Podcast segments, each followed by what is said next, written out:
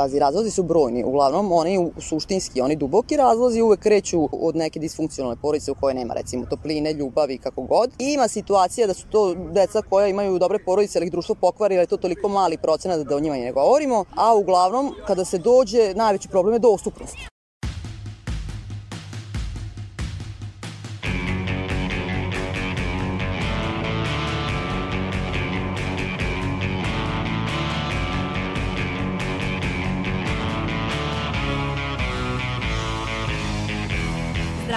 Slušate 54. epizodu podcasta Reaguj nezavisnog društva novinara Vojvodine.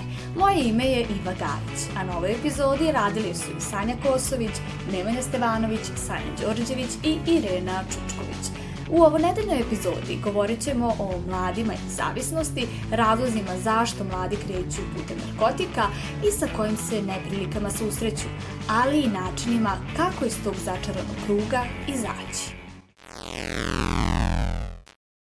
Usmrkala sam prah kroz nos.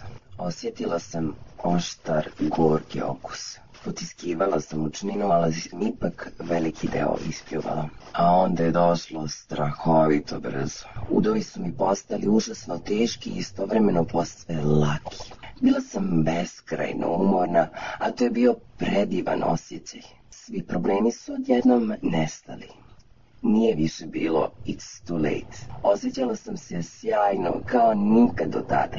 Bilo je to 18. travnja 1986. Mjesec dana prije mog 14. rođendana.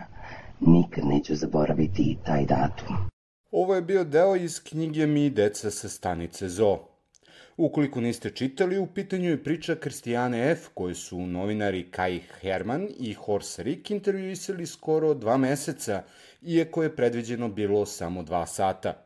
15-godišnja devojka koja je bila svedokinja na suđenju u jednom procesu protiv dilera droge koji je opojne substance davao maloletnicama i podvodio ih u zapadnom Berlinu krajem 70. godina, otkrila je svoju priču kako je već sa 12 probala hašiš, smolu dobijenu iz kanabisa, da bi do 14. rođendana probala i heroin. Do sada, kao i uklapanje u novo društvo, razlozi su zašto je ona krenula putem narkomanije, a kasnije i maloletničke prostitucije. Nažalost, ekipa podcasta Reaguj nije imala sreće da razgovara sa lečenim zavisnikom kao naše starije nemačke kolege. Ipak potrudili smo se da dođemo do ljudi koji svakodnevno rade sa njima. Irena, ti si razgovarala sa Čedomirom Šagrićem, specijalistom zdravstvenog vaspitanja i socijalne medicine. Reci nam malo više o tome. Tako je Nemanja. Govoreći o uzrocima zbog kojih se osobe najčešće okreću narkomaniji, Šagrić kaže da njih treba potražiti u samoj prirodi doba odrastanja, u kojem mladi najčešće probaju narkotike. Kako kaže, zanemarljiv je broj onih koji su u odraslom dobu počeli sa korišćenjem psihoaktivnih substanci. E sad u tom periodu odrastanja, ono kad ulazimo u pubertet, svi kada smo ulazili nekada, toliko se promena dešava svakom od nas ili se dešava toj jednoj mladoj osobi, da je e, vrlo teško, kako kažem, menadžerisati sa svim tim e, promenama koje se odjednom dese, to nisu samo promene telesne, to su promene e, i ono kako poimate vi svet oko sebe, kako svet oko vas poima vas, kako vas doživljavaju roditelji, kako nastavnici, kako drugovi, niti ste dete, niti ste odrasla osoba negde na pola puta sa puno nesigurnosti i puno nedorečenosti i takva jedna, kako kažem, situacija gde, kažem, još postajete seksualno biće, još niste, ništa vam nije jasno, imate puno želji, malo razjašnjenih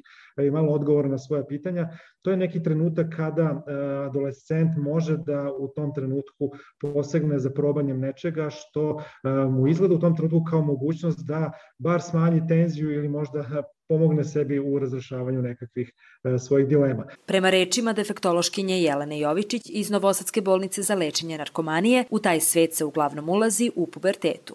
Kako ona kaže, to je period gde postoji raskorak između telesnog i psihičkog razvoja, pa je tada osoba najpotložnija nezdravim mehanizmima suočavanja sa negativnim emocijama dolazi do tih nekih osjećanja nesigurnosti, neadekvatnosti i najčešće je u pitanju neka radoznalost, um, potreba za pripadanjem određenoj grupi, um, dokazivanje, traženje samopouzdanja kroz neke druge načine, a ne na zdrave uh, zdravim uh, metodama, tako da kada govorimo o tome šta je uzrok, ne možemo reći uzrok je to i to uzrok najčešće ostane negde u prošlosti i izlično je govoriti o njemu, ali možemo govoriti o faktorima koji su uticali na to da neko uđe u svet zavisnosti.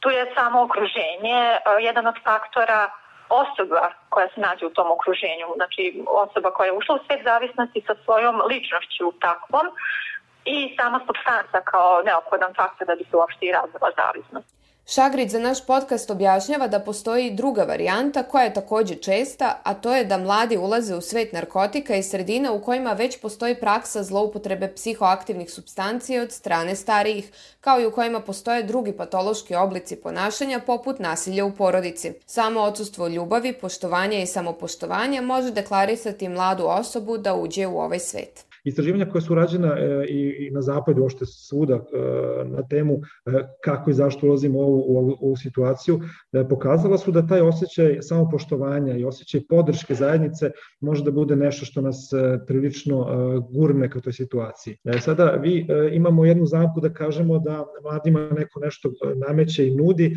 kada ste vi čvrsti u svojoj odluci da nešto neće biti vaš izbor, to neće biti vaš izbor bez obzira na, na, na, na ponudu, a ali s druge strane samo informisanje, čemu smo mi kao društvo skloni mladih na temu zloupotreb psihoaktivnih substanci, svakako nije dovoljno da bi neka mlada osoba odustala, e, uopšte ne, da ne, uopšte ne uđe u svet zloupotreb psihoaktivnih substanci. Bolnica u kojoj Jovičić radi prošle godine je sprovela istraživanje u izloženosti i stavovima studenta o drogama. Rezultati su pokazali da 74% studenta poznaje nekoga ko koristi droge, 63% ispitanika je bilo ponuđeno nekim narkotikom, a skoro polovina studenta zna gde može da ga nabavi. Prema tom istraživanju, studenti su pokazali značajan nivo rizičnog ponašanja kroz potvrdu da je skoro 40% njih probalo neku drogu.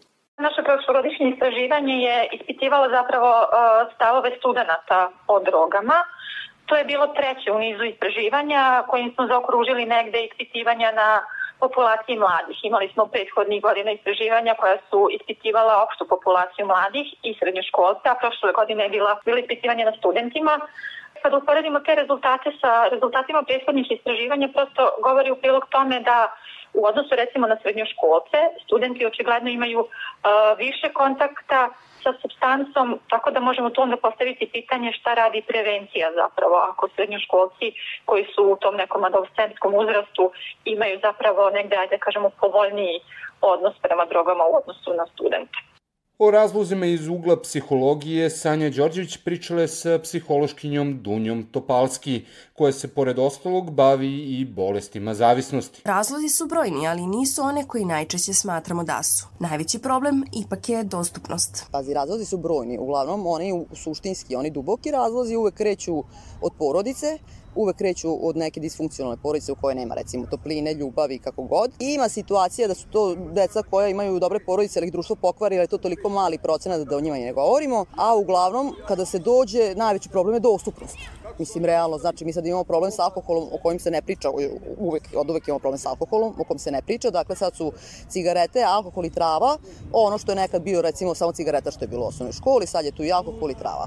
Tako da je njima dostupno sve na ono, ajde kao hoću i neću i recimo da nema dovoljno informacija, čak i da je porodica ok, ali treba ih jednostavno učiti recimo već od petog razreda govoriti ovaj, klinicima da to ne treba, zašto ne treba ili ako to radiš, zašto to radiš ili da li je to cool ili nije.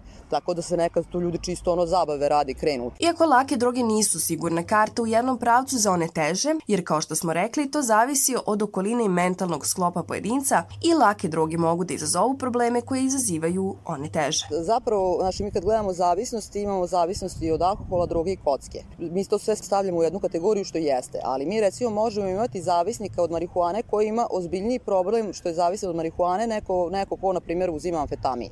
Tako da to zavisi od strukture ličnosti. Dakle, mi sad imamo uh, mlade ljude koji stvarno imaju problema sa travom. Ozbiljne probleme gde oni ulaze i u krađe, gde im propada i uh, stil života, i škola, i zanemaruju obaveze. Uh, da postoji u porodici kao okidač, ne ide to tako. Ne ide to sad više, to baš nije bilo ni pre tako da ide, ne znam, sad trava, pa ove droge kao lake, pa heroin. Ni toga sad više nema. Sad recimo klinci na ulici imaju kako nalaze pored trave, recimo ekstazi, speed, LSD, ali sad tu imaju bup za koji oni ne znaju ni šta je, bup je tableta, mogu da je svrstaju kao besedin ili ne znam ni ja. Koji lek, a bup je zapravo uh, substitucija za heroinsko skidanje koji je 10 puta jači od heroina. Opšte je poznato da svaka generacija mladih voli da tera kontru onome što je opšte, pa tako klasično popovanje ne samo da nije rešenje, već i kontraproduktivno navodi naša sagovornica. Mladima je najbolji efekt šta god da se radi, njima šta god hoćeš da preneseš i da im poručiš poruku, njima treba da se dopadneš i da im budeš cool. Znači, ako promovišeš taj život, ajde straight život, ili ako promovišeš, je, ok, ako ste se malo zezali, stanite, napravite granicu, ali to treba da njima bude zanimljivo, jer njima deluje da ljudi, ajde, tim koji su malo u istraživanju, eksperimentisanju, njima normalan život deluje kao dosadan život i oni na normalno gledaju kao na nešto dosadno i nešto nezabavno, što uopšte nije istina. I tako im nekako treba približiti. Znači, kroz neke možda zanimljivije sadržaje i šta im donosi, ajde da kažem, zdrav stil života dovoljno, ajde, život bez droge, šta bi im donosio. Znači, treba šire to, ići i govoriti, je, nemojte, nemojte, statistike su ovakve onakve, to se pokazalo stvarno kao neefikasno ni te tribine što radimo, svi nije to efikasno, zato što mi ciljamo, mislim, možda deluje na te mlade koji inače ne bi to radili, a one na koje ciljamo da im pomognemo, bude kontraproduktivno. Ni popularizacija opojnih sredstava u popularnoj kulturi nije novost, pa tako njihova pojava u masovnim medijima utiče na mali broj mladih. I muzika i televizija, sve može da utiče, ali uvek mi imamo, ok, idemo od kuće i imamo samu strukturu ličnosti. Znači, opet govorimo o malom procentu ljudi na koje to utiče. Dakle, utiče, ali recimo utiče na 10% tih koji slušaju sve to. Naprimjer, ako su oni već krenuli ili mi se već nešto dopada, ja recimo sam skroz protiv tih popularizacija marihuane, te raste, vamo tamo, to sa tevama, da opet kad se setim svojih, svojih godina i svog odrastanja, mi smo imali onog Moby Dicka koji je pevao Rodiću ti sina kralja kokaina, pa se nismo navlačili na drogu, mislim, ali opet ovo je sad već popularizacija, legalizacija i svega toga, protiv toga smo, generalno, nismo za to zbog mladih. Treba im postaviti straight život kao cool način života, a ovo postaviti kao nešto što je gubitnički i što na kraju dovodi do ono, besmisla i nekog bezveze života. Nagovorom sredine ili osvešćivanjem zavisnici dođu u fazu kada pokušaju da se, kako se to u slengu kaže, skinu sa droga. Skidanja su različita i zavise od vrste droge koju zavisnik uzima, ali i volje. Ali o tome je Sanja Kosović pričala sa Jelenom Jovičić. Defektološkinja Jelena Jovičić kaže da je za sam proces lečenja zavisnosti pre svega najvažnije da se osoba javi na lečenje. Ja sad to kad kažem zvuči možda m, prilično logično i banalno, ali zapravo i za javljanje na lečenje stoji obično dug period problema, kolebanje kako samog zavisnika, tako i porodice, stoje koje kakvi problemi narušeno funkcionisanje, tako da je taj moment preloma dolaska na lečenje zapravo jako bitan. Jelena Jovičić objašnjava da sam proces lečenja počinje sa detoksikacijom. Važno je najpre fizički isprati organizam od droge uz pomoć terapije u vidu lekova, nakon čega sledi najteži deo prosto da na taj način rešimo tu neku telesnu zavisnost i onda ostao najteži deo procesa i zahtevniji deo procesa, odnosno rešavanje same te psihičke zavisnosti. Uvek preporučujemo neki od oblika rehabilitacije sa elementima psihoterapije. Konkretno u našoj ustanovi postoje različiti programi koje individualno prilagođavamo kako zavisniku, tako i porodici. Ali proces lečenja negde zahteva uključivanje i porodice kao podrške. To je nešto što smatramo veoma bitnim u lečenju. Ona kaže da je potrebno da osoba dođe dobrovoljno na lečenje, jer bez pristanka osobe nije moguće ništa uraditi. Međutim, Jovičić kaže da uvek postoji neki spoljašnji pritisak i da se ljudi uglavnom javljaju kada dotaknu dno. Tada lečenje ostaje kao neka poslednja opcija. Da li je to uh, porodica stisla jer ne mogu više da, da podnesu tu tešku situaciju ili je u pitanju možda čak i sudski nalog ili osoba prosto više svoje funkcionisanje ne može da prilagodi zahtevima svakodnevice. Tako da najčešće bude neki pritisak s polja ili u krajnjem slučaju neki zdravstveni problem zbog samog uzimanja substanca. Po rečima naše sagovornice, psihološka podrška je ključna, a u lečenju je prisutna od samog starta. Znači od motivacije osobe za, istre, da, za to da istraje u tretmanu, što je prilično bitna motivacija porodice da istraje u tretmanu. Uh, učenje o samoj bolesti je nešto što je jako bitan segment te psihološke podrške. Znači dobra edukacija kako pacijenta, tako i njegove porodice. Znači da svi znaju šta je to sa čime se suočavaju, da bolje upoznaju neprijatelja da bi ga lakše pobedili. To je isto jedan od ciljeva te psihološke podrške. Jelena Jovičić kaže da su se u praksi kod nas, ali i u svetu, uspešno pokazale grupne terapije. Grupna porodična terapija gde se prosto stiče uvid uh, u to kako se i neki drugi ljudi bore sa sličnim problemom. Uh, postoji mogućnost da se vide neki obrazci ponašanja kao u ogledalu, da se prosto prepiše od drugih ili da se upozori na osnovu ponašanja drugih, da mogu nešto pre da prepoznaju kod drugih nego kod sebe pa da prepišu taj neki recept. Znači neka grupna terapija je isto takođe dobar metod izbora. Kada je reč o lečenju, Čedomir Šagrić objašnjava da je sistemu podrške za one koji su već probali narkotike kod nas potrebna reforma. Mladima se moraju približiti mogućnosti za savetovanje. Ono što, što mene brine jeste da se obično na lečenje ili lekaru javljaju u situacijama kada već problem postaje prilično dramatičan. Pošto je to nešto što ne volimo da, da vidimo u svom okruženju i, čita, i same porodice dugo prenebegavaju postojanje ovakvog jednog problema i on se dugo ove, nekako sakriva do trenutka kada to nije više moguće E, izdržati. Kažem, zdravstvene ustanove kod nas funkcionišu na onaj način koji su nekada funkcionisale, a nekako je e, ideja i preporuka da zdravstveni sistemi izlaze u susret mladima i da na mestima da mladi borave, da se školuju, da se zabavljaju, postoje mogućnosti za e, jedno savjetovanje u smislu forme koja je mladima prihvatljiva, ne samo u oblasti korišćenja psihoaktivnih substanci, zloupotrebe, već i u oblasti seksualnosti, bilo koje druge teme koje je važnosti za, za mlade. Tako da ti neki modeli youth clinics koji bi bili dostupni isključivo mladima bi bili neka, neko rešenje za budućnost, a u ovoj sadašnjoj situaciji mladi mogu da se obrate pre svega, znači u samoj školskoj sredini, svom školskom psihologu i pedagogu da se pokreće možda nekakva priča kada se primeti situacije koje u, u nekoj maloj sredini se, se događa na temu zloupotrebe psihoaktivnih substanci. Svakako vi imate u svim većim centrima i Zavoda za zaštitu mentalnog zdravlja i klinike koje će se baviti tretmanom osoba koje su već, da kažem, debelo u tom problemu. Ali je potrebno da napravimo neku drugačiju dimenziju, da mladi mogu da već u nekom početku ideje same da uđu u taj svet mogu da dobiju savjet i podršku da to ne bude njihovo opredeljenje. Iva je razgovarala sa Borisom Štrpcem, osnivačem i direktorom udruženja Restart, koje pruža pomoć zavisnicima. Iva, šta konkretno radi ova organizacija? Nemanja Restart predstavlja organizaciju koja ima misiju pružanja pomoći zavisnicima da pronađu put i mesto do svog oporavka i izlečenja, ali i bivšim, oporavljenim i rehabilitovanim zavisnicima ka ponovnom uključivanju u zdrave tokove društva. Prva tačka nakon lečenja jeste procena uspešnosti rehabilitacije, objašnjava Štrbac.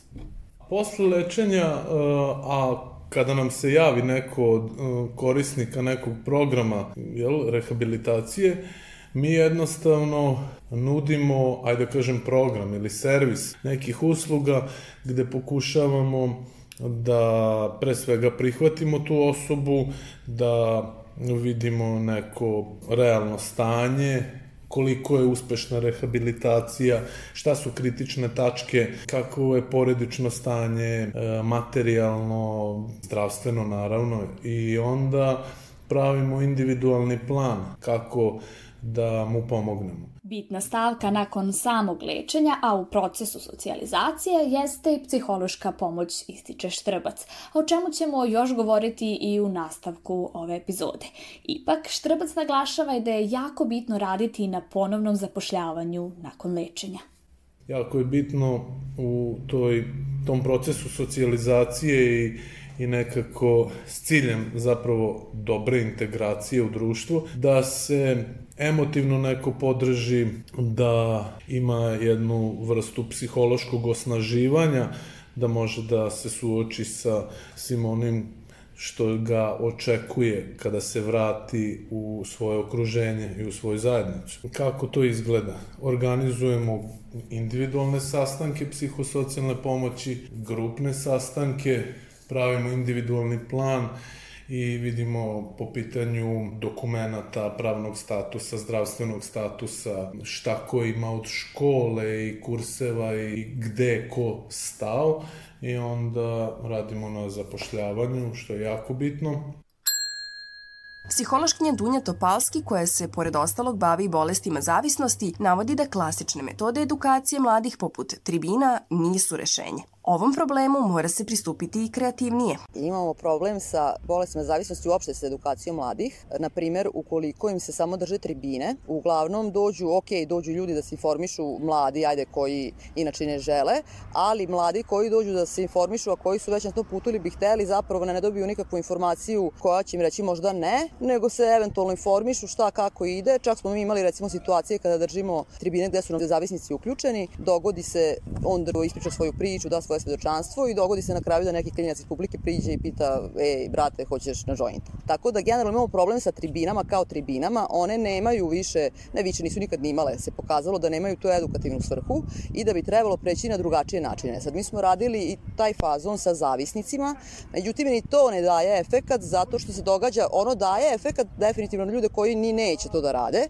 ali na one koji su već krenuli, koji su u problemu, dogodi se da ljudi daju svoje svedočanstvo gde neki mlad momak ili devojka pomisle e vidi kako je ovo super, e tako ću ja, vidi on se izvuka mogu ja. Tako da smo mi generalno u velikoj dilemi što se toga tiče, eventualno sad što sam istraživala preko recimo da rade, mislim preko napolje, na primjer u Mađarskoj, ima, e, rade na primjer multimedijalno, pa ne znam, opišu kao doživljaj, opišu dejstva druge, pa ne znam, naprave neku loptu koja se sporije ljulja kao ne znam trava, pa brže, tako imaju neke kao multimedije, a recimo ovde je neka ideja moja, ajde koju ćemo tako nešto, što se kaže, Bog da, progurati, da recimo radimo predstave na tu temu. Pa kao bolest i zavisnost, da smisli neki scenarij, da to bude onako više i zabavno, a da se pokaže kao primer koliko je u stvari cool biti straight. I da zapravo drugirati se nije cool, nego je više onako postalo bez veze, a baš je danas cool biti straight i ne drugirati se.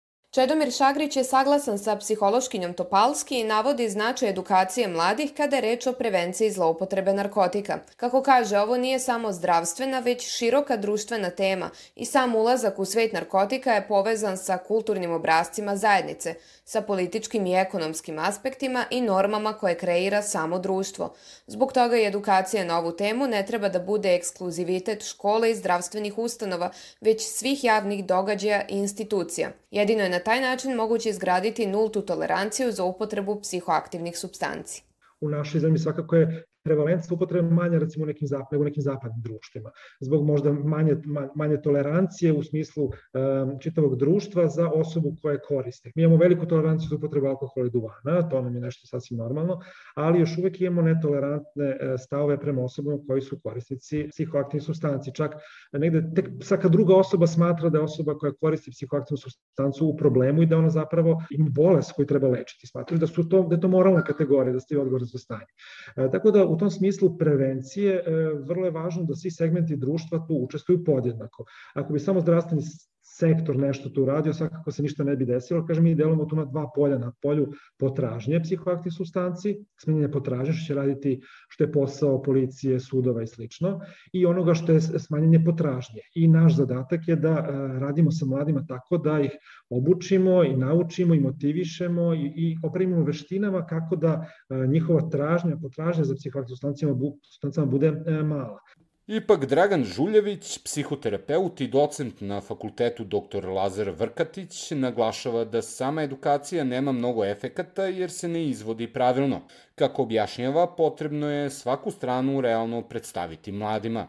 Da, ja mislim da se edukacijom može puno dopreti do svesti mladih, ali izvesno drugačijom edukacijom u odnosu na to kako se ona danas provodi. Ono što jeste nekakva javna tajna i o, kojima, o, o kojoj u principu današnji modeli prevencije koje su finansirani i forsirani od strane države u stvari ne spominju, je a, da je drogiranje u stvari prijatno.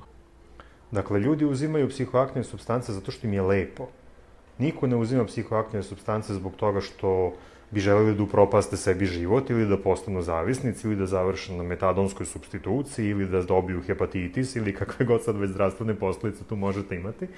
Dakle, ističu se upravo te neprijatne a, činjenice koje dođu pre ili kasnije sa kontinuiranom upotrebom određenih substanci, a ovaj deo prijatni se u stvari ili zanemaruje, zanemaruje ili u potpunosti ignoriše. Dakle, ono što ja mislim da mora biti eduka, osnov bilo kakvih edukativnih programa i bilo kakvih preventivnih strategija koje su zasnovane na ideji edukacije mladih, jeste potpuno ravnopravno u stvari isticanje a, i jednog i drugog aspekta realnosti, da bi se u stvari mladim ljudima približio u krajnjoj liniji njihov izbor da se drogiraju, da krše zakon, da rade šta god već žele. Dakle, naš posao nije da budemo mentalna policija, nego da u stvari istaknemo ljudima onakvu realnost kakva ona zaista postoji. Današnji edukativni programi u stvari ističu samo taj neprijatni deo realnosti. Kada istaknu neprijatni deo realnosti, mladi ljudi se osjećaju najverovatnije loše. A šta mladi ljudi rade kad se osjećaju loše? Pa drogiraju se. Dakle, ono što u principu mi možemo negde daleko sežno pretpostaviti je da su trenutne edukacijske strategije a, i uopšte razrada tih tema u društvu zasnovane na isticanju jednog dela realnosti koji diže negativni afekat i u stvari ostaje kontraproduktivan a, po ljude kojima je to prosto način da beže od negativnog afekta, a, čim god to uzrokovano bilo, pa između ostalog i tako nekim sad, pravljenjem frke oko bolesti zavisnosti. Čedomir Šagrić objašnjava i da je, pored faktičkog znanja, važno mladima pružiti veštine i alate kako da se odupru u vršnjačkom pritisku i kako da prepoznaju situaciju koja je rizična. Mi e, kada radimo sa mladima primećujemo jednu zabludu koja je verovatno je prisutna i kod odraslih, da postoje ljudi koji će stajati na uglu e, ispred škole ili na mestima da se mladi okupljaju i koji će ponuditi psihoaktivnu substancu i iz te zablude mladi zapravo ne prepoznaju pravi e, izvor napada na njih, a zapravo ono, oni koji će vam ponuditi prvi put psihoaktivnu substancu jesu mladić, devojka, najbolji drug, najbolja drugarica, znači neko ko vam je važan. Neće svakako neko otići kod nekog ko stoji na ulici koje tipično izgleda kao neko ko koristi prode e, opijate, recimo da, da od njega to nabavite. To će biti situacija koja mi je vrlo važna, možda ste na žurci gde vam je e, važno da priđete nekoj devici ili mladiću i u toj situaciji ako, ako procenite da će vam probanje amfetamina ili neke substancije, neke tablete doneti poen u toj situaciji, verovatno će se neko i odlučiti za tako nešto. Da kažem, ti alati su potrebni kod mladih, osim tog nizanja faktičkog znanja i činjenica. Sa druge strane, Boris Štrbac naglašava i da je prevencija jedno od boljih rešenja. Trebalo bi, objašnjava on, raditi na tome da mladi od samog početka nemaju želju za probanjem narkotika. Glavna stvar je da je bitno kod mladog čoveka nekako graditi taj stav ili uticati da se gradi taj stav u donošenju odluka da je uopšte nikad ni ne probaju. Jer je najveći problem kod narkotika što se često svidi onome koji je probao i tu je i glavna caka zašto je tako taj problem veoma velik. Znači sigurno jedno vreme uživa narkotike, međutim onda se stvara zavisnost i onda još uh, mnogo drugih problema koje idu uz to i jednostavno onda imamo mladu osobu koja je u ozbiljnom problemu. E, automatski i društvo je u ozbiljnom problemu i porodica i sve ostalo. Kada govorimo o prevenciji zavisnosti kod mladih, Dragan Žuljević naglašava da predavanja od strane osoba koja se izlečila od zavisnosti mogu biti od najveće koristi. Ljudi koji su, na primjer, na nekakvoj metadonskoj substitutivnoj terapiji, koji su, kako kažem, dugogodišnji zavisnici od heroina i tako dalje, su dosta voljni, odnosno među njima postoji dosta voljnih ljudi koji bi išli da rade uh, dijaloge sa klincima. I potpuno je druga stvar kad se pojavi, ne znam, psiholog iz Institutu za javno zdravlje ili školski psiholog i priča o tome kako, šta su bolesti zavisnosti i tako dalje, a druga je stvar kad se pojavi neko ko deli to iskustvo i ko svojim ličnim primjerom može da pokaže u šta se to pretvorilo i na koji način može da se uh, zastrani u životu, od tih nekih početnih ideja samo da probam, preko neće meni biti ništa, da do mogu ja da prestanem kad god hoću, do preko trava je najlakša ikad, do samo ćemo to i ništa više, pa ajde malo rekreativno i na kraju završiti u heroinskim, kako kažem, krizama, abstinencijalnim krizama. Dakle, kad vam se pojavi moj pacijent koji to ispriča srednjoškolcima, oni su konsternirani, dakle oni su zgroženi a, time da to realno tako može da izgleda. Jer a, čovek priča o svom iskustvu. I to je, ja mislim, jedno od glavnih a, i najefikasnijih načina kako u stvari možemo raditi prevenciju bolesti zavisnosti, da ljudi koji u stvari a, su dobrano zaglibili u takvim iskustvima, ukoliko su naravno voljni obaviti edukaciju sa njima kako se rade dijalozi sa, sa, sa mladima i u stvari raditi to. S druge strane, pazite, mi i tim ljudima onda dajemo nekakvu svrhu u društvu i, e, kako da kažem, i oni sami sebi daju nekako, rekonotiraju svoj smisao života time što to što su bili narkomani i to što su završili na, ne znam, metadonskoj substituciji i nekoliko puta na rehabu i tako dalje, uz sve prateće socijalno-patološke fenomene koji tu naravno idu, to nekako dobija nekakvu ipak funkcionalnu upotrebu i nije baš toliko sve besmisleno i toliko brcrno. Potrebno je dosta truda kako bi se problem zavisnosti od narkotika kod mladih rešio. Osim truda, naglasili su i naši sagovornici u ovom podcastu, potrebna je i kreativnost. Možda i čitanje knjige Mi deca sa stanice ZO može pomoći mladima. Šta vi mislite? Ovime završavamo 54. epizodu podcast serijala Reagu i nezavisnog društva novinara Vojvodine, a u ovom izdanju govorili smo o problemu zavisnosti od narkotika kod mladih i rešenjima kako sprečiti da mladi uđu u taj svet bez povratka. Slušamo se ponovo uskoro, a do tada ne zaboravite da čekamo na vas. Možete nas pratiti na društvenim mrežama, na Facebooku, Twitteru, Instagramu i TikToku, a mi čekamo vaše komentare i predloge tema i to na adresi podcast.ndnv.org. Naš rad možete pratiti na kanalima na iTunesu, Stitcheru, Castboxu, Sounderu, Spotifyu, Google podcastima, kao i na sajtu podcast.rs. Ukoliko želite da nas podržite, uradite to baš šerovanjem, komentarom, deljenjem svoje priče ili preko sajta donations.ndnv.org.